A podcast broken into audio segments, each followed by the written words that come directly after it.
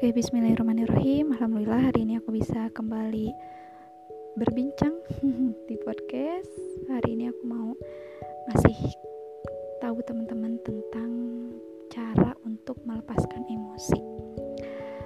Teman-teman ternyata banyak banget dari kita yang mungkin kurang bisa atau bahkan gak bisa untuk mengeluarkan emosi yang sesungguhnya dan emosi ini tidak hanya bentuknya marah ya tapi sedih juga emosi khawatir takut cemas dan lain sebagainya. Itu adalah emosi yang ada di dalam diri kita yang sering kali itu tersimpan dan sulit untuk dikeluarkan. Kita sulit untuk bisa mengungkapkan bahwa aku ini sedih aku ini takut aku ini marah aku ini kecewa aku ini merasa tersakiti dan lain sebagainya. Seringkali kita menyimpan untuk banyak orang itu sering kali hanya menyimpan dengan berbagai alasan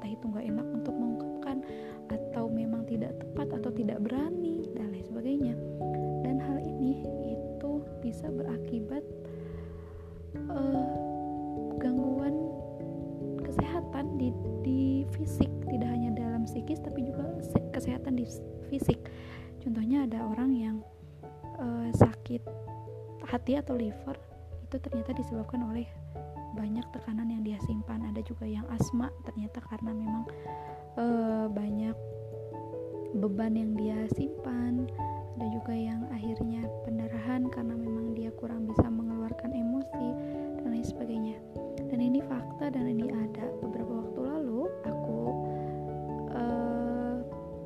berobat ke salah satu wali murid aku. Uh, sama ternyata. Dan diagnosa beliau cukup betul dengan apa yang ada pada diri saya. Beliau bilang bu ibu lagi nyimpen beban ya ibu lagi nyimpen masalah ya.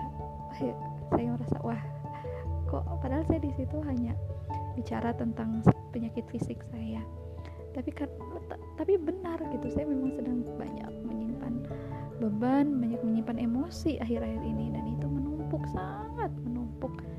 Uh, kemudian beliau bilang obatnya lepaskan.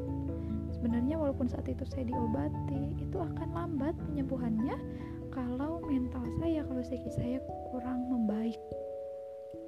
Akhirnya beliau bercerita tentang beberapa pasien yang beliau hadapi yang kurang lebih sama.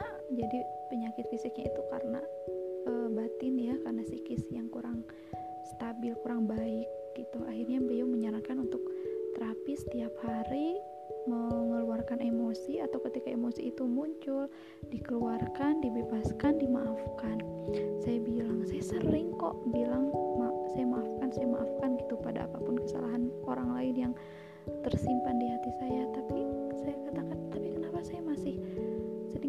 ingat sakit hati ingat sakit hati ternyata memang ada tahapan yang saya lupa untuk melakukan jadi beliau memberi saya cara bagaimana caranya agar uh, pengeluaran emosi itu bisa berjalan dengan baik dan bisa menstabilkan kembali emosi kita minimal hari itu.